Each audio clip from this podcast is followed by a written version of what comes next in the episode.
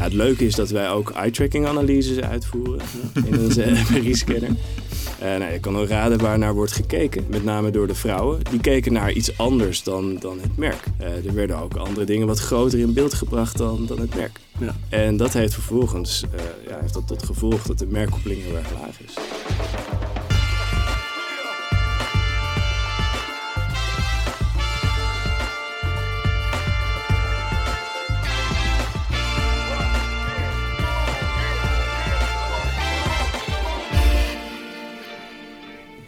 Goedemorgen, goedemiddag, goedenavond of wanneer je dit ook luistert. Welkom bij The Brief, een podcast over merken, marketing en content van Wayne Parker Kent. Mijn naam is Gerben van der Rijt en ik ben gelukkig weer niet alleen, want naast mij zit onze strateeg Valentijn Spek. Dankjewel, fijn om hier te zijn. Ja, hoe is het met je? Uitstekend, mag niet klagen. Goed zo, goed om te horen altijd. Hey, jij bent strateeg. Dat betekent volgens mij dat je dol bent op, uh, op onderzoek. Zeker. Waar, waar, waar komt dat vandaan? Waarom ben je daar zo gek op? Uh, nou, ik ben vooral gek op omdat ik uh, in principe alles op mijn onderbuik doe. En ja. ik onderzoek heel fijn is om dat of te onderbouwen of te ontkrachten, dat onderbuikgevoel. Ja, en, wa en wat gebeurt er meestal? Uh, het wordt meestal ontkracht. Ja, nee, onderbouwd natuurlijk. onderbouwd, ja. Dat maakt je ook zo'n goede stratege. Dat maakt me zo'n goede stratege, zeker. Ja, Hey, um, we gaan vandaag heel veel hebben over, over neuromarketing, over merken ook. En over hoe merken nou werken in het, in het brein. Uh, maar om, uh, om even af te trappen, met welke merken heb jij nou eigenlijk de sterkste positieve associaties als we het bijvoorbeeld hebben over sport? Laten we makkelijk beginnen. Nou, fijn dat we meteen over voetbal kunnen beginnen. Hebben we dat, hebben we dat uit de weg geruimd? Lijkt me duidelijk. Ja. ja. En als we het hebben over bier? Grols. Oké. Okay. Ja. Dat is wel een verrassing voor, voor mij. Voor een Amsterdamse uh, stratege, een verrassende keuze. Ja, ja. oké. En frisdrank? Uh, Coca-Cola. Oké, en als ik dan, uh, laten we ze één voor één even behandelen. Als ik dan uh, vraag wat Ajax bij jou oproept, wat is dat dan? Uh, Brani, Gochme, mooi voetbal. Ja, okay. Winnaarsmentaliteit. Ja, ja. ja, nou dan zitten we redelijk op één, lijn wat dat betreft. en wat roept Grols dan nog bij je?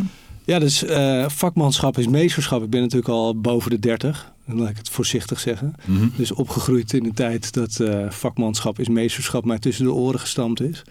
Ja. En dus ik associeer uh, uh, Grols, eigenlijk is Grols een soort van het eerste echte speciaal biertje wat ik heb leren drinken.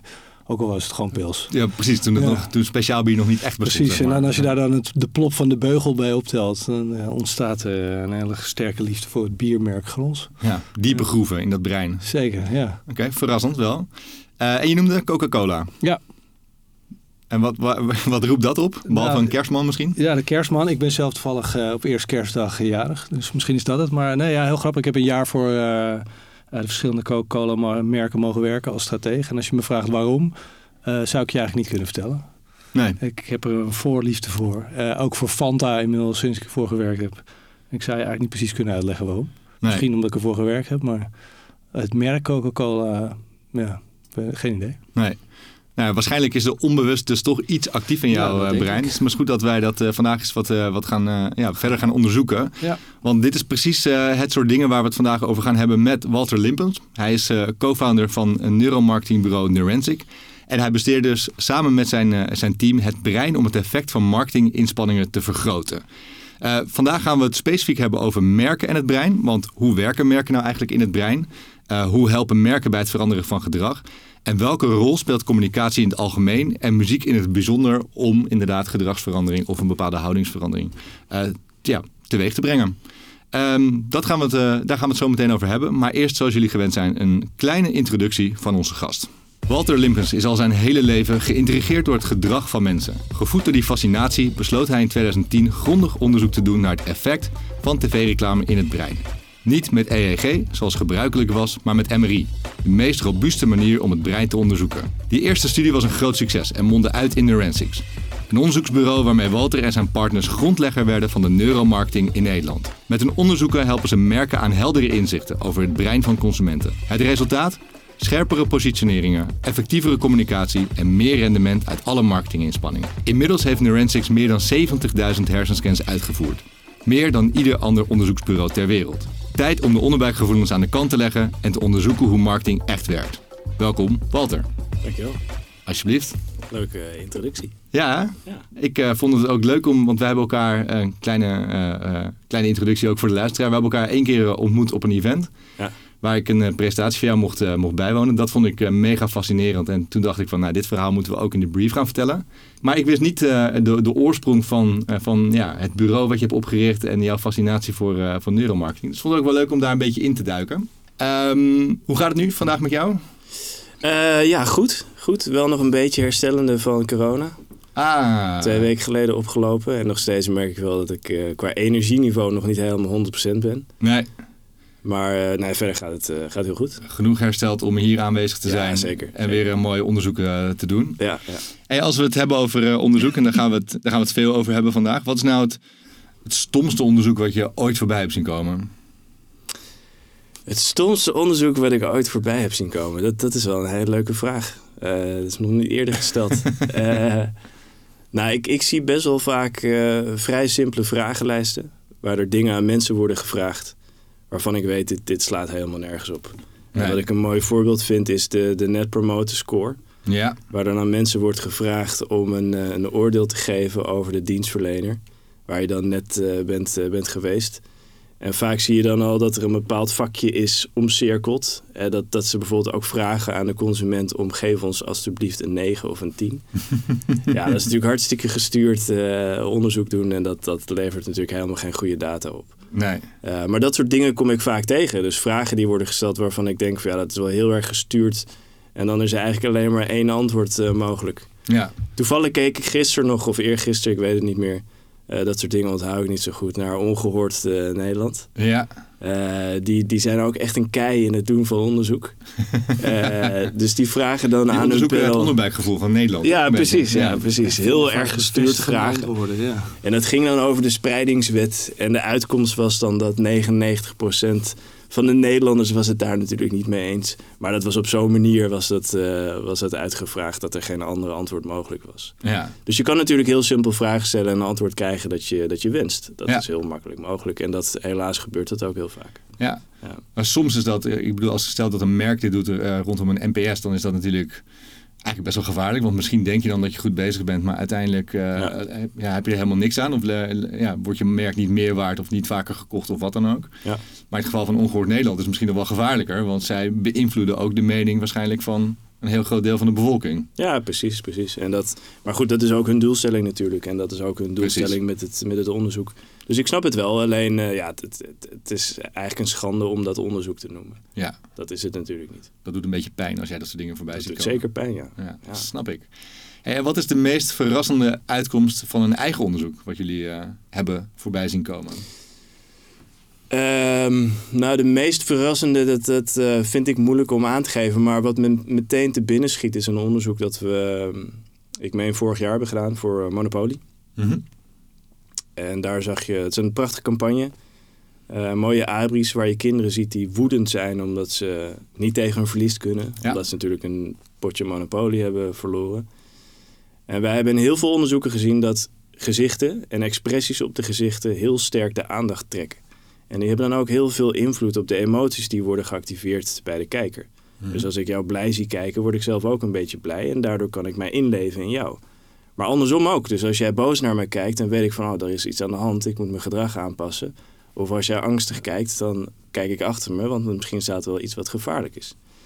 En die campagne, die was dus, dus je, zag je echt levensgrote gezichten van kinderen die woedend waren. Niet een beetje boos, maar woedend. Dus mijn, eh, mijn voorspelling was, deze campagne gaat hartstikke slecht scoren. Eh, en de resultaten gaven iets anders aan. Het was juist een hele effectieve campagne, die dus juist meer positieve dan negatieve emoties opwekt. Ja. Omdat dat, hè, dat spelelement, dat je kan verliezen, dat is onderdeel van het spelgenot. Ja. En dat is wat je natuurlijk koopt en wil hebben als je gebruik maakt van Monopoly. ja. En dat was voor mij echt wel een heel verrassend inzicht. Dat had ik echt niet verwacht. Grappig, het is eigenlijk dat, dat hele spelgenot, dat, dat zweeft soort van nog boven die emoties die over winst en verlies gaan. Ja, ja. ja dus mensen weten dat als je Monopoly speelt, dat je soms kan winnen. Maar vaker kan verliezen. Maar dat maakt het spel ook zo leuk. Ja, als je alleen maar wint, dan is het natuurlijk niet leuk. Nee. Je moet ook kunnen verliezen. Want dat maakt de winst alleen nog maar leuker. En dat, eh, voor mij was het wel echt een, een eye-opener. Dat Ja. had ik niet verwacht. Snap ik. Nou, lekker, lekker binnenkomen meteen. Zeker. Meteen al wat geleerd. Ja. Hey, ehm, voordat we naar het, eh, het interview gaan, we hebben altijd een eh, vaste rubriek. De beste content eh, van de week. Eh, dus ja, vertel, wat heb jij voor ons meegenomen wat je, wat je graag met de luisteraar wil delen? Ja, nou, ik, ik heb het dus niet fysiek meegenomen, want dat had het nog leuker gemaakt. Eh, ik kan ook niet een filmpje laten zien, want dat, dat moet je eigenlijk wel zien natuurlijk bij deze commercial. Het gaat om de commercial van uh, Calvin Klein met Jeremy Allen White. Ja. Ehm, die viral is gegaan en waar heel veel vakgenoten, marketeers, communicatiemensen iets van vinden. Ehm, dus wij dachten, we, gaan dat onderzoeken. Ehm, in de commercial zie je dus Jeremy Allen White, die loopt door New York. Uh, heeft dan in het begin zijn kleren nog aan, maar onderweg naar boven toe, ik weet niet wat hij gaat doen, maar hij gaat ergens naar een, uh, een dakterras of iets dergelijks. En onderweg naar boven toe verliest hij al zijn kleren. Dus hij trekt al zijn kleren uit en dan zie je zijn strak getraind lichaam. Um, en vervolgens dan komt hij op het dakterras, gaat hij op uh, de bank liggen in zijn witte Calvin Klein onderbroek. En dat is de commercial. Ja. Uh, waarvan heel veel creatieven dachten van ja, maar dit is toch geen commercial? Er zit geen verhaal in. Geen uh, groot idee. Nee, precies. Ja. Um, en en wij, daarom vonden wij het dus heel erg interessant om te onderzoeken wat dat dan doet in het brein. Dus uh, we hebben dat bekeken met behulp van fMRI-onderzoek. En wat we daar zagen was allereerst een heel groot verschil tussen mannen en vrouwen.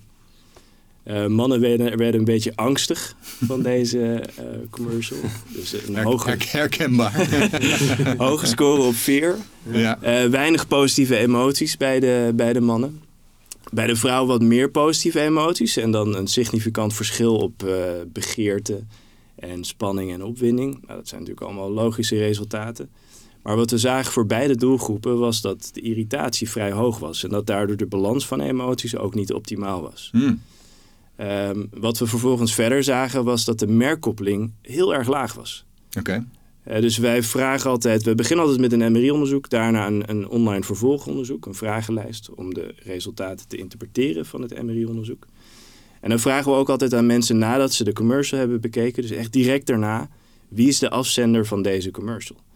Uh, en nog geen 50% van de respondenten wist Calvin Klein te noemen. Terwijl normaal gesproken ligt dat percentage op zo'n 90% Ja, want het is vlak na de commercial. Dus Precies, dan, dan is het is niet wel... een hele complexe vraag. Uh, nee. nee. Dus de meeste mensen kunnen die wel goed beantwoorden. Oh, wauw. Gemiddeld dus 9 van de 10 mensen, maar nu dus maar uh, net 5 op de 10 mensen. Dus het is... Um, en dat heeft ook te maken met die te hoge score op irritatie. Het is een heel impactvol filmpje. Uh, maar niet per se een hele effectieve commercial.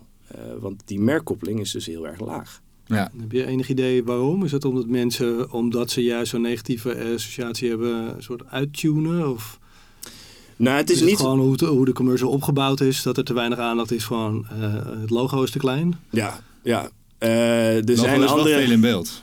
Op dat, ja. de rand van het onderbroekje. Precies, ja. ja. ja. ja. dus dat, dat is de enige brand cue die te zien is in de commercial. Nou, het leuke is dat wij ook eye-tracking analyses uitvoeren in onze MRI-scanner. Uh, nou, je kan ook raden waar naar wordt gekeken. Uh, met name door de vrouwen. Die keken naar iets anders dan, dan het merk. Ja. Uh, logischerwijs natuurlijk. Ja. er werden ook andere dingen wat groter in beeld gebracht dan, dan het merk. Ja. En dat heeft vervolgens ja, heeft dat tot gevolg dat de merkkoppeling heel erg laag is. En dat is iets wat ze heel makkelijk hadden kunnen oplossen. Hè? Als ze dat onderzoek bij ons hadden gedaan, hadden we dat advies kunnen geven. Ja. Laat nou van tevoren het merk zien, want volgens mij kan het helemaal geen kwaad. Nee. Ja, hier komt een commercial van Calvin Klein. Hè? Mm -hmm. Dat is toch prima, lijkt mij. Of aan het eind van de commercial dat je dan misschien inzoomt op de, op de onderbroek. Of dat je het logo gewoon groot in beeld laat zien. Ja. Dat had deze commercial veel effectiever kunnen maken. Maar er wordt wel veel over Calvin Klein gesproken. Of wordt er veel over Jeremy Allen White gesproken? Ja, ik denk dus, ik denk dus het laatste. Ja. En uh, dit, dit, onderzoek staat natuurlijk ook niet op zichzelf. Er is ook wetenschappelijk veel onderzoek naar gedaan. Seks zelfs, ja of nee? Het antwoord is vaak nee. Dus er is wel aandacht voor de content. Heel veel aandacht. En dat zagen we ook terug in, in onze MRI-resultaat. Dus de aandacht, attention was heel erg hoog. Maar niet per se aandacht voor het merk. Nee. En kijk, natuurlijk, reclame kan op verschillende manieren een effect hebben. En deze commercial is viral gegaan, dus er wordt over gepraat. Ik denk wel voornamelijk door vakgenoten. Vakgenoten, mm -hmm. inderdaad. Um, maar op die manier heeft het wel effect. Maar het had een veel sterker effect kunnen hebben. Dus ja. ik, vind het, ik vind het echt een gemiste kans. Ja. ja. Dus jullie hebben dit onderzoek gedaan en daarna een uh, kleine DM'tje gestuurd naar de marketing director uh, Kelvin Klein wereldwijd. Ja, we hebben een uh, mailtje gestuurd. Ze hebben daar alleen niet op gereageerd. Okay. Dus het, misschien komt het nog maar. Misschien luistert hij wel. Ja, wie weet. Ja. Toch? Ja. Oké, Oké, goede, goede tip, dankjewel. Ehm, we kunnen natuurlijk een linkje plaatsen naar de commercial in, uh, in de show notes. Dat gaan we sowieso doen. Maar is jullie onderzoek ook ergens terug te vinden? Ja, dus op onze website, neurensix.com. Ja. Uh, wij, wij uh, plaatsen daar vaak, vaak blogartikelen. En dit is het meest recente blogartikel. Ja. ja. Alright, nou samen met een link naar de commercial zullen we die plaatsen in de show notes. Die vind je zoals elke week op www.debrief.nl. Uh, dus mocht je nog één keer willen kijken naar Jeremy Allen White of benieuwd zijn wat het nou uh, die commercial teweeg brengt in het brein van mensen, uh, ga naar www.debrief.nl en daar vind je twee hele waardevolle, interessante linkjes. Ehm, gaan we nu door met het interview. we gaan zo meteen uitvoerig en uitgebreid over gedag, gedrag en gedachten en wat het allemaal met je doet hebben. maar misschien eerst een klein stapje terug puur uit interesse. Waar komt jouw interesse en passie voor dit specifieke onderwerp vandaan? Waar is dat begonnen? En... Ja. Ja, nou, dat, dat um, is eigenlijk al heel vroeg begonnen op de middelbare school. Want daar miste ik een vak, namelijk uh, psychologie. Uh, ik vond de middelbare school een hartstikke leuke tijd, maar niet uh, vakinhoudelijk. er waren niet echt vakken die mij echt konden bekoren. en ik, ik was toen ook al heel erg bezig met het gedrag, waar mensen zich op een bepaalde manier gedragen. Uh, hoe kan het dat, dat het soms helemaal fout gaat? Dus dat er pathologieën ontstaan, et cetera. Uh, en dat ben ik toen ook gaan studeren. Dus dat was mijn studie, uh, psychologie, met de studeerafrichting sociale psychologie. Toen later heb ik ook nog bedrijfskunde gestudeerd om de combinatie te maken van psychologie en marketing. Ja. dus ik was zelf al op zoek naar neuromarketing, wat ja. nu bestaat, maar toen nog niet. Mm -hmm. um, en toen ben ik op een reclamebureau beland om die kennis, die psychologische kennis, uh, over de werking van het brein en het werking van, werking van gedrag, om dat uh, in de praktijk toe te passen. Hoe viel dat uh, binnen het bureau? Want ik, ik, ik zit al wat langer in de bureauwereld. Onderzoek en marketing in zijn algemeenheid wordt in de bureauwereld altijd een beetje moeilijk gevonden. Ja. Misschien, dat is hopelijk nu wat anders, maar... Nou, dat, dat was ook wel leuk, want ik, ik studeerde dus nog psychologie. Ik was bezig met, met afstuderen. En toen wilde ik ook stage gaan lopen op een reclamebureau. Uh, dus ik heb contact opgenomen met verschillende bureaus, groter en kleiner. En eigenlijk waren ze allemaal wel geïnteresseerd in, in wat ik te vertellen had. Uh, maar ze, ze zeiden ook van ja, leuk, maar we hebben geen idee wat we jou aan moeten bieden. Uh, behalve dan één persoon, Martin de Munnik, die toenmalig bureaudirecteur van Lamarck was. Ja. Inmiddels heet dat Open Now. Mm -hmm. En die, um, ja, die zag het heel erg zitten. Dus die, die had meteen door van hier kunnen we op strategisch niveau ja. kunnen we daar advies uh, uh, voor geven aan onze klanten. Dus gedragswetenschappelijk strategisch advies. En dat hebben we dus ook gedaan, een paar jaar. Dus we hebben verschillende campagnes gemaakt die gedragswetenschappelijk onderbouwd waren.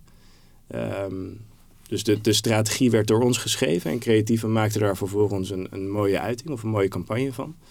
Dus dat, uh, daar heb ik wel heel erg mazzel mee gehad. Ja. En toen later is daar uit die strategische afdeling binnen dat reclamebureau is Neurensics ontstaan. Omdat mm. we op een gegeven moment dachten van ja, het is ook wel leuk om te kijken wat er nou echt in het brein gebeurt. Ja. Dus toen heb ik uh, uh, contact opgenomen met een, uh, een professor cognitieve neurowetenschap, Victor Lamme. via omwegen kwam ik bij hem terecht. En um, daar hebben we eigenlijk heel brutaal de vraag aan gesteld, kunnen we niet een keer samen iets onderzoeken? Waarop hij zei tot onze verbazing, ja is goed. En dat was dus hè, wat jij in de inleiding mm vertelde, het eerste onderzoek uh, dat we hebben gedaan. En meteen kregen we al heel veel aandacht van de media, van studenten. En later gelukkig ook van betalende klanten. ja. um, en dat is toen ja, eigenlijk een beetje uit de hand gelopen. Dus we zijn heel langzaam organisch weggegroeid van het reclamebureau naar een onderzoeksbureau. Ja. En dat is nu inmiddels alweer zo'n 13 jaar geleden. Ja. Mooi. Ja. Um, en voor de, voor de luisteraar, maar vooral voor mij. Ik heb uh, een leuk side note. Ooit boekhandel en uitgeverijopleiding gedaan. Waar ik nog met SPSS heb moeten werken. Ja. Um, in, uh, uh, als je in het kort zou moeten uitleggen wat neuromarketing is. Voor mensen zoals ik. hoe, hoe zou je dat omschrijven? En gebruik je SPSS nog? je SPSS nog? Nou, gelukkig niet meer. Ik, ik heb het wel natuurlijk moeten leren tijdens ja. mijn studie. Maar gelukkig heb ik daar nu veel slimmere collega's voor die dat, die dat kunnen doen. Um, Neuromarketing bestaat uit twee verschillende gebieden. Dus je hebt neuromarketing als onderzoeksgebied, de combinatie van neurowetenschap en marketing. Ja. Dus neurowetenschappelijke methodieken om te kijken naar de effecten van marketing. Dat is wat wij bij Neurensics doen. Maar je hebt ook neuro neuromarketing als kennisgebied. Dus alle kennis die er al is over de werking van het brein in combinatie met marketing. Um, En dat dan vervolgens toepassen in advies of in het verbeteren van, van marketing. Ja. Bij ons zit natuurlijk ook wel de combinatie. Dus we doen altijd en onderzoek en geven advies. Dat is natuurlijk het eindproduct. Ehm, maar dat zijn wel twee verschillende richten, richtingen van neuromarketing. Dus je komt ook heel veel neuromarketing tegen zonder dat dat onderzoek is. Zonder dat er gebruik wordt gemaakt van neurowetenschappelijk onderzoek. Interessant. Nou, dan kan ik het ook, uh, ook doorvertellen, tenminste. tenminste. In ieder geval proberen. um, en we, toen wij wat onderzoek deden, dat was voor mij ook nog vrij. Ik, ik, ik, heb ervan gehoord, maar ik heb er nog in moeten verdiepen. Hebben we het vooral ook over uh, systemen gehad. Uh, misschien wel interessant om daar, want het, het, volgens mij, als ik het goed begrijp, is dat ook een beetje de basis van uh, nou, veel, veel onderzoek. Ja. Um, zou je iets over die systemen, systeem 1 en systeem 2, zou je er iets over kunnen vertellen? De reden is dat we dan iets meer begrip hebben van alles wat het doet. En als we zo meteen wat dieper de inhoud ingaan, uh, dat mensen denk ik ook wat beter snappen waar we het zo meteen over hebben. Ja, ik denk dat het inderdaad een goede aanvlieg uh, ja. is. uh, systeem 1 en systeem 2, dat zijn twee metaforen. bedacht door Daniel Kahneman, winnaar van de Nobelprijs voor de economie als psycholoog. Ja. hij was volgens mij de, de, eerste of de tweede psycholoog die de Nobelprijs voor de economie won. En hij heeft heel veel onderzoek gedaan naar de manier waarop mensen beslissingen nemen, ook economische beslissingen. de gedachte was vroeger dat, dat we rationele mensen zijn, rationele wezens. En als we keuzes maken, dan doen we dat ook op een rationele manier. Zeker als het gaat om economische beslissingen. Nou, hij heeft in zijn onderzoeken, samen met zijn collega Tversky, uh, aangetoond dat niets minder waar is. Uh, dus we zijn veel minder rationeel dan we, dan we denken. Uh, hij heeft dus twee verschillende metaforen bedacht, systeem 1 en systeem 2. systeem 2, dat is dus het rationele systeem. dus als, je, als je lang en moeilijk over iets nadenkt, dat kost veel moeite en energie. Dus als ik aan jullie vraag hoeveel is uh, 8 keer 19, dan doe je dat met systeem 2. Tenzij jullie echt een onwijze wiskundeknobbel hebben, dan kan het misschien niet meer. Systeem 2 ging al aan het werk. Ja. um, dus dat is systeem 2. Systeem 1, dat is uh, het tegenovergestelde. Dus dat is heel erg snel, moeiteloos, automatisch, uh, sterk beïnvloed door emoties. En vaak ook op een onbewust niveau. Dus dat is iets wat heel erg snel en automatisch in je opkomt. Uh, dus 8 keer 19, dan kan je niet snel en automatisch een antwoord geven. Um, maar als je twee verschillende keuzes in een, in een supermarkt moet maken, dan maak je dat vaak wel aan de hand van systeem 1. Ja. Nou, en Kahneman heeft dus in zijn onderzoeken laten zien dat we niet alleen bij hele simpele beslissingen, maar ook grotere beslissingen vaak gebruik maken van systeem 1. Dus dat we daardoor ook uh, vaak niet rationele beslissingen maken. Ook ja. zeker als het gaat om financiën. Interessant. En dat onderzoeken jullie dan? En wat voor.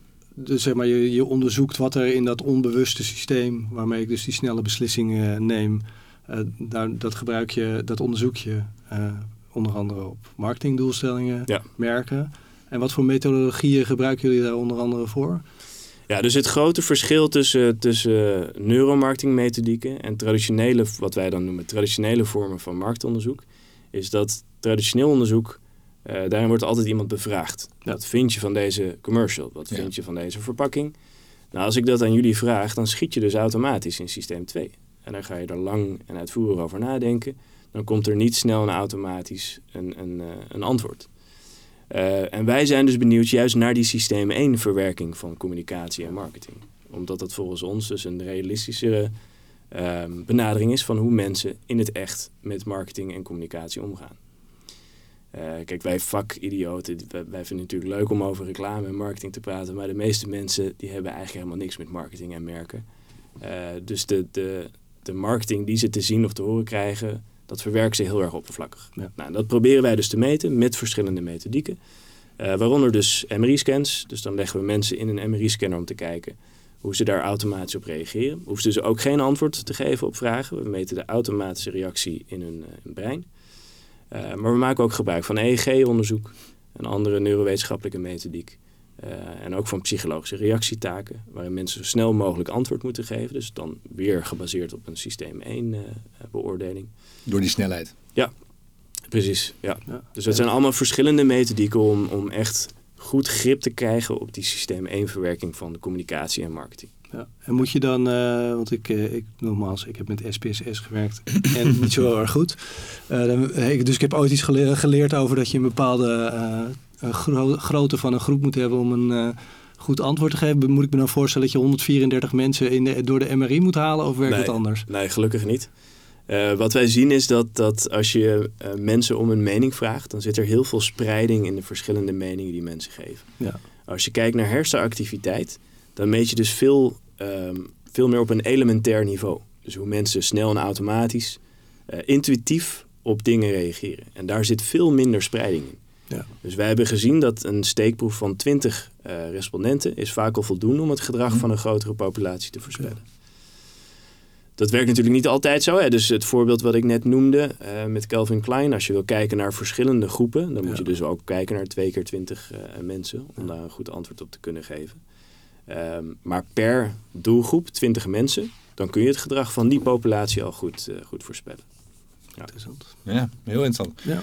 dus het is eigenlijk, en daarmee is het efficiënter eigenlijk onderzoek. En omdat het inzoomt om dat onderbewuste, gaat het veel uh, meer in op wat uiteindelijk echt het verschil maakt in nou ja, gedrag en het bemaken van keuzes bij mensen. Ja, zeker. Ja, dus het, en, en er wordt ook wetenschappelijk over gepubliceerd. Wij doen er ook veel onderzoek naar. Uh, maar wat je ziet is dat door je, doordat je dus uh, toegang hebt tot de onbewuste gedachten en de systeem 1 gedachten, dat is niet altijd hetzelfde. Um, maar doordat we daar toegang toe hebben, kun je gedrag ook beter voorspellen. Hm. dus je ziet vaak dat neurowetenschappelijk onderzoek gedrag beter kan voorspellen dan zelfrapportage, dan het vragen aan mensen. Ja. Uh, een van de eerste studies die dat heeft aangetoond is van Emily Falk. En die heeft gekeken naar rokers. Die kregen anti-rookcampagnes te zien. Vervolgens werd er gevraagd, nou, welke campagne heeft effect op jouw rookgedrag? Dus gaat ervoor zorgen dat je gaat stoppen met roken. En ze heeft het ook onderzocht in de MRI-scanner. Dus ze liet dan drie verschillende campagnes zien. En vervolgens kwam daar een voorspelling uit. En met de MRI kon zij dus beter voorspellen welke campagne daadwerkelijk effect zou hebben dan die rokers zelf. Ja. Dus wij weten vaak ook niet waar we door beïnvloed worden. Dat, dat vinden we heel erg moeilijk om dat aan te geven. En dat krijg je dus dan ook niet uit zelfrapportage. Nee, maar wel uit de MRI, gelukkig. Ja. Leuk. Hey, um, jullie houden je ook best wel veel bezig met de, de werking van merken in het brein. Dat uh, noemen jullie zelf neurobranding. Ik weet niet Ja. of dat een eigen gecoinde term is of dat dat... uh... Ja, hebben, hebben we ooit wel zelf bedacht. Ja, dat dacht ik al. We hebben natuurlijk een reclameachtergrond, dus dat... eh, ja, ja, ja, heel goed. Um, kun, je, kun je, want daar willen we graag wat, wat verder op inzoomen. Kun je vertellen wat, wat dat precies is, neurobranding, en, en hoe jullie ja, de, de werking van merken in het brein onderzoeken? Ja, dus voor neurobranding hebben we verschillende onderzoeksoplossingen om te kijken wat, uh, wat de kracht is van het merk. Um, en onze definitie van het merk is, is een, een naam met associaties in het brein van een consument. Dus als je dat wil onderzoeken, dan moet je dat ook in het brein bekijken. Um, nou, die associaties kunnen we op verschillende manieren meten met uh, reactietaken. Dus dat we een merk laten zien met verschillende associaties. En mensen moeten dan zo snel mogelijk aangeven of dat past of niet past. Uh, dat kan je dan ook doen ten opzichte van concurrenten. En dan weet je of je een onderscheidende associatie hebt of niet. Mm -hmm. uh, vervolgens koppelen dat dan aan gedrag. Dus leidt dat dan ook daadwerkelijk tot gedrag. Uh, we kijken bijvoorbeeld het verschil tussen kopers en niet-kopers. Of light users en heavy users. En daarmee kunnen we heel mooi in kaart brengen welke associaties er echt toe doen. Dus welke associaties moeten gekoppeld worden aan een merk... om ervoor te zorgen dat het merk vaker wordt gekocht. Nou, dat is één oplossing. En een andere oplossing is dat wij uh, die associaties ook weer kunnen eiken in het brein. Dus die kunnen we opsporen in het brein aan de hand van hersenactiviteit. Uh, dat eiken we dan. En vervolgens kunnen we kijken of televisiecommercials of andere uitingen, uh, muziek bijvoorbeeld, of Mhm. beroemdheden, of die in staat zijn om dezelfde merkassociaties in het brein te activeren. En dan kun je dus heel gericht kijken of communicatie en marketing in staat is om het merk op de lange termijn te bouwen. En daarmee dus een effectiever merk te creëren. Klinkt goed en heel theoretisch. Misschien is het goed om dit aan de hand van een case gewoon iets meer uh, iets tastbaarder te maken. Ja. ja. Um, je begon net met, uh, ja, je begint eigenlijk als merk met uh, onderzoek doen naar wat zijn nou de, de, de meest waardevolle associaties die je als merk kunt hebben. Ja. Kun je aan de hand van een, van, een, van een case vertellen hoe je dat onderzoek start? Ja, dus een, een mooi voorbeeld is uh, het onderzoek dat we voor Smint hebben gedaan. Mm -hmm. uh, dus Smint was benieuwd hoe we kunnen ervoor zorgen dat uh, meer mensen gebruik gaan maken van, van Smint. Ja. Dus daar hebben we drie verschillende doelgroepen bekeken. De niet-gebruiker, de light-gebruiker en de heavy user. dus de niet-gebruiker zijn mensen die wel de categorie gebruiken. Bijvoorbeeld pepermunt, maar niet Smint. Mm -hmm. Light users, dat zijn mensen die heel af en toe Smint gebruiken. En de heavy users, nou, dat zijn mensen die wekelijks Smint gebruiken. Uh, drie We verschillende ze allemaal. Ja. drie verschillende doelgroepen. Um, en met behulp van, eh, dat noemen wij dan de RIAD, dat is een, een vorm van een impliciete associatietaak, waarmee je dus op basis van reactiesnelheid kunt meten welke associaties uh, sterker aan een merk gekoppeld zijn. Op die manier hebben we gekeken naar de drie verschillende doelgroepen. Dus wat is het verschil tussen die drie groepen? Welke associaties hebben ze bij het merk? En vervolgens hebben we dus ook kunnen bepalen, deze associaties moeten worden geactiveerd om ervoor te zorgen uh, om van een niet-gebruiker een gebruiker te maken en van een light gebruiker een heavy gebruiker. Ja. En is dat dan, als ik het goed begrijp, je gaat kijken welke associaties dus heavy gebruiker heeft en dat zijn eigenlijk die associaties wil je bij de ja. niet-gebruiker ook activeren, ja. in, in, zijn brein stoppen eigenlijk. Ja, ja. ja exact. Dus je weet welke associaties kunnen bijdragen, dat hoeft natuurlijk niet per se, maar kunnen bijdragen aan gebruik of meer gebruik. Ja. Dus dat is, dat is dan de eerste stap. Ehm, nou, voor Smint, daar kwamen verschillende associaties uit, waaronder zelfvertrouwen en fris gevoel. Dus dat zijn twee associaties die voor Smint heel erg van belang kunnen zijn. Uh, en vervolgens hebben die associaties geëikt in het brein met behulp van fMRI. Uh, dat dat uh, zorgt dus voor een bepaald eikpatroon, dus een neurale activiteit die we in het brein zien. Dus hoe, we... hoe, doe je dat? Hoe eik je een patroon in een brein? Ja, nou dat is een goede vraag. En daar hebben we een bepaald, bepaald trucje voor. Uh, want dan maken we gebruik van een hele speciale doelgroep. Mm -hmm. uh, die heel erg goed is in het opwekken van emoties en associaties. Namelijk acteurs. Okay. Die daarin getraind zijn. Uh, dus ook specifiek in method acting. Um, die krijgen... Daar komen niet in aanmerking hoor. die krijgen dan korte verhaaltjes te zien van de merkassociaties. En in de MRI-scanner moeten ze dan die associaties, bijvoorbeeld zelfvertrouwen of fris gevoel, moeten ze dat inbeelden. Dus hoe voelt het als je zelfvertrouwen krijgt van Smint? Of hoe voelt het als je een fris gevoel krijgt van Smint? Mhm. nou, op het moment dat ze dat doen, uh, worden die gebieden in hun brein dus geactiveerd. En dat leggen wij vast. Oké. Nou, dat doen we dus bij verschillende acteurs. Dan kijken we of dat uh, leidt tot een betrouwbaar resultaat. Ja. Uh, dus of dezelfde associaties zorgen voor het activeren van dezelfde hersengebieden. Ja. Nou, dan leggen we dat vast. En dan hebben we het dus geëikt. Dus dan weten we welke gebieden Precies. in het brein verantwoordelijk zijn voor het activeren van zelfvertrouwen of fris gevoel. Ja. Oké, okay, dus Smint wist op dat moment van, nou, als ik gewoon van non-users heavy users wil maken, dan is zelfvertrouwen belangrijk en een fris gevoel. Jullie hadden een soort van eikpunt met de acteurs uh, uh, bereikt, uh, welke gebieden in de hersenen daarvoor moesten oplichten. Ja. Uh, had je ook al onderzocht op dat punt of die twee associaties ook onderscheidend waren voor Smint ten opzichte van de concurrentie? Was dat, daarvoor, ja. dat is daarvoor ook al meegenomen? Ja, dus dat zit in dat eerste onderzoek. Ja. Dus dan kijken we niet alleen welke associaties van belang zijn, maar ook of ze relatief onderscheidend zijn voor Smint. Precies, want anders ben je eigenlijk ja, reclame aan het maken voor de concurrent als precies. je het oppast. Dat, ja. Daar heb je niks aan. Ja, precies. Ja. Dus dat zijn, de, dat zijn de twee, eigenlijk de twee assen die, die uit het onderzoek, het eerste onderzoek komen. Dus in welke mate is het onderscheidend? In welke mate draagt het bij aan consumentengedrag? En dan krijg je natuurlijk een kwadrant waar de meest kansrijke associaties in staan. Uh, en daar zijn uh, zelfvertrouwen en uh, fris gevoel. Ja. Dat, dat, zijn twee, twee associaties die in dat goede kwadrant stonden. Oké. Okay. En dan? Ja, en dan? Dus dat, dan hebben we hele mooie plaatjes. Er komen hele mooie breinplaatjes uit. op ons kantoor hebben we ook verschillende van die breinplaatjes geframed. Want dan zie je dus, nou, het merk Smint moet er zo uitzien. Uh, idealiter. Mm -hmm. um, verschillende adverteerders hebben dat ook inmiddels op kantoor hangen, uh, op de marketingafdeling. Dus dit is, dit is ons uh, merkpatroon in het brein. Ja, en dan, dan naast die mooie plaatjes kan je vervolgens ook communicatie daarop gaan toetsen. Dus we hebben voor Smint verschillende moving storyboards, dus concepten, televisiecommercials, maar bijvoorbeeld ook verpakkingen, um, banners, um, websites getest om te kijken of die uitingen in staat zijn om die merkassociaties te activeren. Ja. En dat vragen we dan dus niet. Hè? Dus we laten niet een commercial zien en vervolgens vragen we nou, vind je dat dit uh, zelfvertrouwen oproept? Nee, we meten dat automatisch. We hoeven dat niet te vragen, want we zien dat dus aan de hand van hersenactiviteit. Ja. Hoe vinden creatieven dit? Toen werd het stil. vraag, vraag ik namens vraag, vraag een angstige creatief.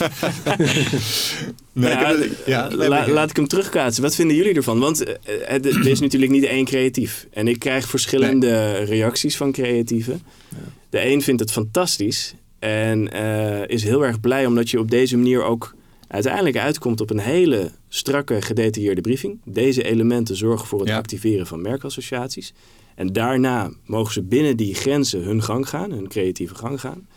Is natuurlijk ook wel een uitdaging, hè? want die grenzen worden dan wel heel erg duidelijk bepaald. Dat vinden eh, veel creatieven ook weer niet leuk, dat ze, dat ze worden beperkt in hun creativiteit. Ja. Maar het, ehm, wat ik merk is dat, dat de meeste creatieven dit toch wel heel erg gaaf vinden. En ook heel erg handig vinden, omdat ze hiermee hun creatie kunnen optimaliseren en Ja. beter kunnen maken. Ik zou ook zeggen dat ik... ehm, ik snap de reflex van veel creatieven dat als de speelruimte beperkt wordt... want zo kan het voelen natuurlijk, Ja. dat, je, dat je dat niet heel chill vindt. Maar ik denk dat elke creatief ook gebaat is bij duidelijkheid en richting. En ik denk dat dit zo erg duidelijk richtinggevend is... dat uiteindelijk elke creatief hier blij van zou moeten worden. Dus ik zou, ik zou, hier, ik zou hier blij van worden. En we hadden, we hadden een klein voorgesprekje, Valentijn en ik. Toen hadden we het ook over van... Ja, uiteindelijk als creatief, je hebt gewoon een paar... Je bent, uiteindelijk ben je vaak verhalen aan het creëren. Of het nou een tv-commercial is, een radiocommercial of een, een, een TikTok van, eh, van 10 seconden. Je bent Ja. gewoon een, mini-verhaaltje aan het maken. Ja, En elk verhaal heeft gewoon een bepaalde building blocks. Ehm, maar dat wil niet zeggen dat je, dat je mogelijkheden daarmee beperkt zijn. Ik bedoel, muziek bestaat uit, ik ben niet zo heel muzikaal opgeleid, maar acht noten of zo. In ieder geval het aantal noten waar je mee kan werken als muzikant is ook beperkt. En toch zijn er oneindig veel muziekstukken gemaakt en worden er nog steeds nieuwe dingen gepro- eh, geproduceerd. Ja. Dus ik denk dat je als creatief meer er zo naar zou moeten kijken. Ik bedoel, je weet waar je mee kan werken, maar je weet nu wel duidelijker waar je het voor doet en waar je op moet sturen. Dus je richting is veel, eh, staat veel meer vast. Ja. Jij, Valentijn, ben je het daarmee eens? Of, eh? Nou ja, kijk, als, stra- als stratege moet ik het er sowieso natuurlijk mee eens zijn. Ik, eh, ik, het oude adagium, give me the freedom of a tight brief. Dat is... eh, Ja, ja. Ja, Dus ja, nee, ja, kijk, als stratege denk ik, ik ben er heel blij mee. Want wat ik, wat ik neerzet als in dit moet je vertellen is waar. En on- onomstotelijk waar. En niet alleen het onderbuikgevoel van een stratege die denkt, als we dit maar vertellen. Of eh, een klantbriefing die zegt, eh, we, we gaan dit vertellen want we denken dat het een goed idee is. Ja. Dus in die zin denk ik dat je er zeker enthousiast over moet zijn. Wat ik wel wat ook meteen dacht is, ja, je onderzoekt nu eh, heel erg op positieve associaties, wat ik snap. Maar ik kan ook hele negatieve associaties al hebben. Ja. Weet ik veel, het is duur of het smaakt niet lekker, wat eigenlijk niks zegt over. Eh, dus ik vroeg me af, hoe ga je daarmee om? Want het kan ook zo zijn dat je juist dat, dat het niet gaat om alleen maar driver, zoals in dit geval. Maar dat er barrières zijn die Ja.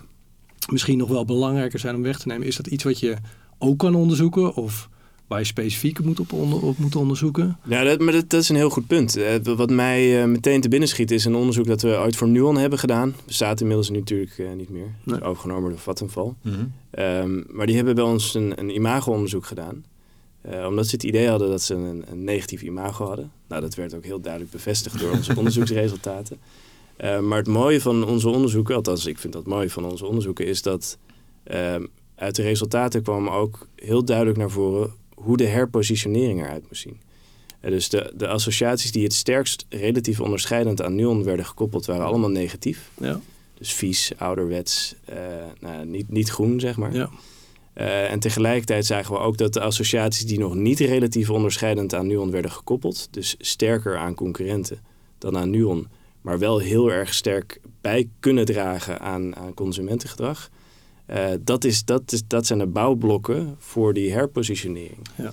En daar zijn de creatieven vervolgens ook mee aan de slag gegaan. Dus dat, dat heeft geleid tot echt een hele andere strategie, eh, een andere campagne. Ehm, met als bedoeling om die nieuwe associaties te laden. Ja. En dan ga je inderdaad dus eigenlijk...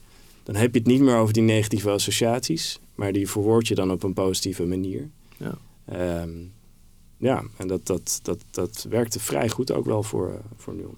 Ja. Maar het is een goed punt. Ja, dat, dat, dat zien we natuurlijk even vaak. Dat, dat, Ja. dat je juist rekening moet houden met die negatieve associaties. Ja. Ja. Komt dat ook specifiek, want eh, komt dat dan ook uit zo'n vooronderzoek, zo'n, eh, eh, waarbij je heel snel associaties kan, daar komen ook de, daar komt ook uit waar je heel slecht op scoort. Ja, precies. Ja. Ja. ja, dus we zien waar je onderscheidend op scoort en niet onderscheidend op scoort. We adviseren altijd om zowel positieve als negatieve associaties mee te nemen. Ja. Ehm, want ik ben het helemaal met je eens. Het, af en toe zijn er drempels die, eh, Ja. die eerst eh, moeten, moeten worden opgeruimd voordat je kan gaan bouwen aan je merk. Eh, wat ik een leuk voorbeeld vind is wat Zalando heeft gedaan. Ehm, eh, in het begin hun campagnes waren heel erg schreeuwig. er werd heel veel gevochten en heel veel dingen gingen mis. Dus heel veel negatieve associaties. Hebben ze ook een Lode Leeuw mee gewonnen. Dus het meest irritante commercial. En later zat er een evolutie in en toen werd het schreeuw van geluk. Dus probeerden ze iets positiefs te koppelen aan een, een heritage eigenlijk. Mhm. Ja. Een, een campagne heritage. En dat, eh, ik, dat vind ik een hele goede vondst. Ja. Dus niet een, een revolutie, maar een evolutie. ja, precies. Wel gewoon nog ja, Ja, dichtbij blijven, maar Ja. toch een klein stapje zetten richting meer positiviteit. Ja. Ik heb er geen associaties meer mee, maar de Zalando-man kan ik me nog Zo. wel herinneren. Ja, ja, ja. moet, ik, moet ik wel zeggen, in mijn herinnering, maar misschien weet jij het beter dan ik, kan ik me ook herinneren dat het in de tijd voor een, een redelijk bewuste keuze was om eh, in negatieve zin op te Ja. vallen. Omdat zij ook gewoon puur eh, in het top drie eh, rijtje online modewinkels terecht wilden Ja. komen. Dus als ik maar aan Zalando dacht, als ik ging winkelen, was het in ieder geval goed. nee, precies. Ja. Maar het is wel, ja, ik snap wel dat je dan op een gegeven moment wil je ook een positieve draai naar een Ja. positieve associatie maken. Ja, ja. Ja. Nee, ik gebruik Zalando ook heel vaak als een voorbeeld van... Want ik krijg vaak de vraag... Een irritante commercial, werkt het nou wel of niet? Ja. Mhm. Nou, wat we zien is dat irritante commercials dus een negatieve balans van emoties hebben, logischerwijs. Met echt een piek op irritatie. Ehm, maar ook een hele hoge score op aandacht. En alles wat de aandacht trekt, wordt ook in het geheugen opgeslagen. Ja. Of vergroot de kans dat het in het geheugen wordt opgeslagen. En voor naamsbekendheid, als dat je primaire doelstelling is, wat het was voor Zalando, Ja. dan kan het een goede strategie zijn. Ja. Maar daar kan je niet voor altijd, je kan dat niet voor altijd voeren, zo'n Nee. campagne. Dus op een gegeven moment eh, moesten ze wel iets positievers eh, gaan communiceren. Leuk bruggetje naar eigenlijk het volgende onderwerp eh, wat we met je willen bespreken. Want uiteindelijk gaat, eh, ja, uiteindelijk wil je als merk ook communicatie inzetten om gedragsverandering te realiseren. Eh, en ook op dat vlak spelen merken uiteraard een, grote rol. Ehm, en hebben begrepen dat een merk drie dingen moet doen om gedragsverandering mogelijk te maken. Of met drie dingen rekening moet houden. Wel, welke elementen zijn dat? Ja, dat is een, een eh, gedragsmodel. En dat heb ik eh, stiekem gestolen van Brian Fogg. Ehm, eh, een heel simpel gedragsmodel. En dat geldt dus niet alleen voor mer- merken, die dus een bepaalde gedragsverandering willen mogelijk maken. Maar voor alle vormen van gedrag die, eh, waar je maar aan kan denken. Mhm. Ja, dus je eigen gedrag, gedrag van andere mensen, gedrag van, eh, van je kinderen. Ehm, je kan het eigenlijk altijd wel Gerben gaat even leuk Ik, ma- ik maak extra notities nu. hè. Werkt niet altijd. Zeker, kinderen zijn niet altijd even rationeel. Misschien nog wat minder rationeel dan, eh dan wij Volwassenen, zijn. ja. Ehm, maar drie elementen dus. En de eerste is de trigger. Eh, dus je moet op een bepaald idee worden gebracht. Tweede is motivatie. En het derde is gemak. Eh, dus je moet op een bepaald idee worden gebracht door een trigger. Je moet voldoende gemotiveerd zijn. En het gewenste gedrag moet zo makkelijk mogelijk uitvoerbaar zijn. Nou, die drie elementen, ehm, die hebben wij bij Neurensix dus toegepast op merken. Dus een merk Mhm. moet werken als een trigger, moet voldoende motiveren en moet consumentengedrag zo makkelijk mogelijk maken. En dat is dus het model dat wij, eh, dat, dat wij ook adviseren aan onze klanten om daar goed over na te denken. En op die manier meten wij dus ook eh, merkassociaties. Ehm, we willen ook nog even op, eh, inzoomen op eh, communicatie zelf. En dan vooral specifiek de rol van muziek in communicatie. Want volgens mij is ja, het kiezen en het selecteren van de juiste tune, bijvoorbeeld bij een tv-commercial, kan best wel effect hebben op ja, wat voor effect de hele, de hele communicatie heeft op mensen. Ja, kun, je, kun je daar wat meer over vertellen? Welke rol speelt muziek? Ja, dat, dat, ehm, nou, mu- muziek heeft een hele sterke, speelt een hele sterke emotionele rol. En dat weten we natuurlijk ook wel. Hè. Dus als we luisteren naar muziek, dan voelen we daar automatisch iets bij. Ehm, dus het heeft ook een directe verbinding tot onze emotionele gebieden in het brein. Maar het is ook, muziek zorgt ook voor een bepaalde context. Hè, dus als je een film ziet met twee verschillende scores, dan heeft het ook een hele andere impact als je kijkt naar, naar de beelden. Ehm, Christopher Nolan, Mhm. de, de, de films die hij maakt. Ik denk een van de successen van zijn films is de muziek die hij... En ik weet niet of je dat per se muziek kan noemen, maar het is Ja. eh, hoe, hij dat, hoe hij het opbouwt en hoe daar een bepaalde, eh, eh, ja, bepaalde spanningsboog in zit aan de hand van muziek. Ja, dat, is wel echt, dat heeft hij wel echt geniaal gedaan. Maar je ziet het ook bij reclames. Een goed voorbeeld is de kerstcommercial van bol.com. ja. Die wij ehm, eh, niet in december, maar in de zomer al hebben getest. Toen waren ze er al mee bezig met, eh, met de test. Oké. Ehm, en toen hebben we dezelfde televisiecommercial getest met eh, verschillende muziekstijlen. En in de commercial, die inmiddels ook op televisie is geweest, daar zie je dus in het begin een ouder stel en die zijn aan het opruimen. Ehm, en later blijkt dat ze dat doen omdat ze een, een kleinkind hebben en die is prikkelgevoelig, hoogsensitief. En die kan dus niet tegen al die kerstprikkels. Maar in het begin van de commercial zie je ze dus opruimen. Um, nou, er waren twee verschillende muziekstijlen. De eerste muziekstijl was heel erg droevig. Nou, als je dan die, het oude stel ziet, dan denk je meteen, er is iemand overleden of er is iets misgegaan. Het, het wordt ook heel erg droevig. Ja. En dat zagen we dan dus ook duidelijk terug in onze onderzoeksresultaten. Dus er werden heel veel negatieve emoties geactiveerd. Mm -hmm. Een andere muziekstijl was It's Beginning to Look a Lot Like Christmas. Uh, natuurlijk een vrolijk kerstnummer. En dat strookt niet met de beelden. Dus je ziet iemand, je ziet een stel en dat is bezig met het opruimen. Dus kerst is afgelopen blijkbaar. Maar je hoort muziek, kerst gaat, uh, gaat beginnen. Ja. Het, het, uh, het begint steeds meer op kerst te lijken. En dat integreerde. Dus het zorgde er enerzijds voor dat er automatisch positieve emoties worden geactiveerd door het kerstnummer. En dat, dat doet kerstnummers, uh, doen kerstnummers nou eenmaal bij ons. Maar anderzijds worden de beelden dan dus ook anders verwerkt. Dus dan, doordat het niet strookt, wat je hoort met wat je ziet, zijn mensen geïntegreerd. En zijn ze juist, zitten ze op het puntje van een stoel om te kijken wat gaat er gebeuren. Hmm. En die scoorde dan dus ook veel beter dan hetzelfde, dezelfde televisiecommercial met een droevig muziekje eronder. En, en waarop scoorde die dan beter? Op welke, welke dingen hebben jullie daarbij onderzocht? Ja, hier gaat het dan vooral om de balans van positieve en negatieve emoties. En dat is misschien ook wel goed om te vertellen. Dus als we kijken naar... eh, wij testen dan dus eh, verschillende uitingen in de MRI-scanner. En met name die balans van positieve en neg- negatieve emoties... daarmee kun je effectiviteit voorspellen. Dus als Ja, er meer positieve dan negatieve emoties worden geactiveerd... over het algemeen leidt dat tot eh, gedrag of tot een gedragsintentie. Ja. Ja, en we zagen dus bij de, de- bij de wat zielige muziek meer negatieve emoties dan positieve emoties. En bij het kerstnummer juist meer positieve emoties. Dan ben ik benieuwd, want ke- je noemt nu kerstmuziek. Daar hebben we allemaal, dus allemaal. De meeste mensen zullen daar positieve associaties bij hebben om, om mee te beginnen. Ik kan me ook voorstellen dat er liedje, specifieke nummers zijn waar je, eh, waar je eigen associaties bij hebt. Ja. We hadden het net over, je onderzoekt 20 mensen. Stel dat je 10 mensen van die 20, die hebben toevallig net een, weet ik veel, bij muziek een eh, hele negatieve ervaring gehad. Dat zit dan, denk ik, heel diep in je brein. Ja. Is dat, werkt dat dan tegen in je onderzoek of werkt dat mee of speelt dat helemaal geen rol? Nou, dat, dat kan zeker een rol spelen, ja. Dus wij moeten ook heel erg goed kijken naar de doelgroep die we dan eh, meten in de MRI-scanner. Ehm, dus vaak meten we gemiddeld Nederland. Dus een goede sp- afspiegeling van gemiddeld Nederland. Ehm, want wat je ook ziet is dat vooral de, ehm, de leeftijd speelt een grote rol in hoe je muzieknummers waardeert. Eh, waarbij dan met name muzieknummers die je in je tienertijd, tienerperiode hebt gehoord, die worden over het algemeen positiever beoordeeld dan nummers die je of eerder of later hebt gehoord. Ja.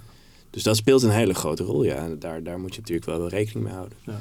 Maar ook voor adverteerders en creatief is het natuurlijk eh, goed om over na te denken. Dus wat, wat is muziek ehm, dat goed wordt, eh, wordt gewaardeerd? Ja. En we zien ook de laatste tijd een soort van eh, herleving van de jaren tachtig. Met muzieknummers uit de jaren tachtig. Komt, er zitten allemaal oude creatieve uh, zoals wij. eh, De tienerjaren van die de creatieve teruggrijpen op onze gelukkige jeugd. Ja, maar nou, nou, ik, ik, ik denk dat het ook echt zo is hoor. Dat het Ja. echt zo werkt. Dat het wordt gewaardeerd omdat de mensen die dat maken zitten nu in die... Ja. Ja, die, die, eh, die hebben dus de leeftijd dat ze in de jaren tachtig eh, muzieknummers goed waardeerden. Dit is überhaupt waar een bepaalde de mode en muziek uit, uit een tijdperk weer terugkomt, toch? 30 jaar later wellicht? Ja, ja precies. Dit is zeg maar eh, het herleven van, je, van, van een bepaalde levensfase. Toen het leven Ja. nog simpel was. Ja, Ja. Interessant. leuk. Ehm, nu neuromarketing bestaat eigenlijk. Hè? En We hebben in het begin al gehad over... Er zijn natuurlijk heel veel andere onderzoeksmethoden. Panelonderzoeken of andere onderzoeksmethoden. Wat is volgens jou nou nu nog de waarde van meer traditioneel onderzoek... nu we eigenlijk ook de beschikking hebben over, over jou en neuromarketing? Eh, ja, dat is- Eerlijk antwoord. hè? moet ik een verkooppraatje houden of is het... eh, Doe maar het eerlijk antwoord. Nee, maar het is, het is een goede vraag. En, en wij maken ook gebruik van verschillende methodieken. We maken ook gebruik van vragenlijsten en interviews en focusgroepen. En het is helemaal afhankelijk van eh, je onderzoeksdoelstelling. Dus wat, wat, wat wil je onderzoeken? En wat zijn je, je, je, je vragen waar je antwoord op wil krijgen? En wij kunnen bijvoorbeeld niet iets meten en dan op een nieuw idee komen. Dus wij kunnen dingen goed aftesten. Dus of iets goed werkt. Maar we kunnen niet zien in het brein. We kunnen niet een, een nieuw idee ontdekken. Dat is onmogelijk. Dat moeten we eerst natuurlijk laten zien. Eh, dus stel dat je verschillende productverpakkingen uh, designt, dan moeten we ze allemaal in de scanner laten zien om te weten hoe mensen daarop uh, op, op, antwoorden. Ja. Wat dan, als het echt gaat om het ontdekken van nieuwe ideeën, dan is toch het praten met mensen misschien wel het beste onderzoek. Dus dat je dan samen komt tot nieuwe ideeën. Ja. Dus het is heel erg afhankelijk van wat de onderzoeksvraag is, welke methodiek het meest geschikt is. En ik denk wel dat uh, neuromarketing is echt maar een heel klein gedeelte van alle marktonderzoeken die worden verricht. Uh, dus ik, ik, denk dat daar echt nog wel werk aan de winkel is. Uh, ook voor adverteerders, dat ze daar goed over nadenken van is dit wel de meest geschikte methodiek, zo'n vragenlijst. Die natuurlijk heel simpel en heel goedkoop en heel snel is. Maar dat is lang niet altijd de beste methodiek. Maar ik denk dat neuromarketing is misschien 5, 10 procent van alle marktonderzoeken die worden verricht. dus nog steeds wordt er denk ik, heel veel onderzoek verricht. Uh, waarvan ik denk, maar ik weet niet of dat dan de, de beste methodiek is om Nee. in te zetten. Nee. Dus het wordt nog wel veel gebruikt. Het heeft nog wel zijn waarde. Maar er is ook nog wel heel veel te winnen voor merken als ze vaker neuromarketing zouden inzetten voor onderzoek. Ja, ik, ik denk dat je dat goed zegt. Ja. Ja, ja. Tien jaar geleden was neuromarketing eh, best wel nieuw. Eh 10, 13 jaar geleden. Als je nu 13 jaar naar, eh, naar voren kijkt en de toekomst in kijkt, wat, eh, wat zie je dan verschijnen qua onderzoeksmethode? Ik las gisteren namelijk dat Elon Musk een chip in iemands hoofd heeft geïmplanteerd. Ja. Die kun je uitlezen. Die kun je uitlezen. Ja, ik zag ook meteen een heel grappig filmpje dat, dat iemand die had dan dus zo'n deed alsof hij zo'n eh, zo'n chip had in zijn brein. En die vroeg dan van ja, ik eh, vraag me aan me wat, wat ik wil gaan eten. En dan werd het automatisch op het scherm getoond. En vervolgens liep er een hele mooie vrouw binnen. Nou, dan kan je natuurlijk raden wat er gebeurde. Dus die probeerde zijn gedachten te bedekken. Omdat hij eh, op een onkuise manier over die vrouw aan het eh, nadenken Ja, was. ik kom nog wel een stukje ethiek bij kijken als dit echt doorgaat. Ja. Ja, zeker. ja. Ja. Maar jouw vraag, ja, het, ehm, wat ik nu wel zie is dat de meer traditionele onderzoeksbureaus, dus er zijn grotere onderzoeksbureaus, vaak internationale ketens, eh, die natuurlijk een, een, ehm, ja, een bepaald verleden hebben. Dus heel veel gebruik hebben gemaakt van, eh, van vragenlijsten, met name vragenlijsten. Ik zie wel dat zij steeds meer ook kijken naar het meten van systeem 1 gedachten. Dus het wordt steeds meer ehm, ja, geaccepteerd dat dat ook echt wel gemeten moet worden. En dat, dat, die beweging zie ik nu ook wel bij grotere onderzoeksbureaus. Dus ik denk dat het steeds normaler gaat worden dat, dat dit soort methodieken worden ingezet. Ja. En ik verwacht over tien jaar dat, dat, eh, dat er dan wel een duidelijk verschil te zien is. Ja. Want het is, ja, als je ook kijkt naar, naar eh, met name dan psychologisch onderzoek en neurowetenschappelijk onderzoek. Ja, het, het, het, het bewijs is gigantisch. Dat als je vraagt wat mensen willen doen, eh, dat dat lang niet altijd is wat ze ook daadwerkelijk gaan doen. En er is ook, eh, dat heet dan de, de, de behavior intention gap. Dus wat mensen zeggen is niet altijd wat ze doen. Ja, dat, dat, dat bewijs is onweerlegbaar. Dus eh, daar, daar moet iets mee gedaan worden. Ja. En dan toch vooruitkijken naar de toekomst. Iedereen heeft het natuurlijk over AI. Als je maar genoeg onderzoek doet, kan je ook, kunnen jullie ook gaan voorspellen wat het gaat doen? Ja, dat, dat is wel grappig, want eh, op sommige gebieden wel. Dus bijvoorbeeld eye-tracking analyses. Eh, wij zien vrijwel altijd dezelfde uitkomsten uit onze eye-tracking analyses. Eh, wat ik eerder ook al aangaf, mensen kijken voornamelijk naar andere mensen. En dan met name hun gezichten. Mhm. Behalve dan bij die commercial van. Jeremy Allen White. Ehm, maar je kan die, dus, dus waar mensen naar kijken, kan je heel goed eh, vrij accuraat voorspellen. Ja. Eh, er zijn ook verschillende partijen die dat doen. Eh, dus dan leef je een commercial aan, of een online video, of een moving storyboard. En zij verrichten dan niet een eye-tracking analyse, maar software en vervolgens krijg je daar dan resultaat uit. Ja. Alleen hoe mensen reageren op, op emotioneel reageren op, eh, op marketing of communicatieuitingen, dat is echt wel een stuk complexer. Omdat er gewoon heel veel verschillende elementen zijn die van invloed kunnen zijn op die emoties. Eh, dus iets als eh, begeerte of vertrouwen of verwachting of negatieve emoties als angst of irritatie of afkeer. Dat kan door heel veel verschillende elementen geactiveerd worden. Ja. En ook cultuur speelt daar een hele sterke rol. Of persoonlijkheid, dus wat mensen hebben meegemaakt. Dus dat is, dat is veel moeilijker om daar iets op te trainen. Dus zo'n eye-tracking model kun je heel goed trainen, is heel makkelijk. Ehm, maar trainen op emoties, het voorspellen van emoties, Ja, dat zie ik eigenlijk nog niet zo snel uh, gebeuren. Daar ben ik blij om, want dat laat ook nog ruimte voor de creatief om iets uh, te bedenken. Precies, ik ben blij met jou. Mooi. Uh, ja, mooie laatste topic ook om nog even besproken te hebben. Dankjewel Walter voor je komst naar de studio. Ik heb uh, weer ontzettend veel geleerd. Ik vond het mega interessant. Ik ook. Leuk.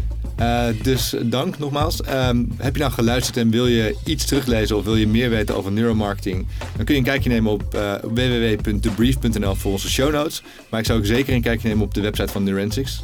Dat is, Walter? Neurensics.com. Neurensics.com. En daar staat uh, niet alleen wat jullie allemaal aanbieden, maar ook volgens mij heel veel kennis wat jullie delen in ja. de vorm van whitepapers, blogs en dat soort dingen. Precies, ja. Leuk.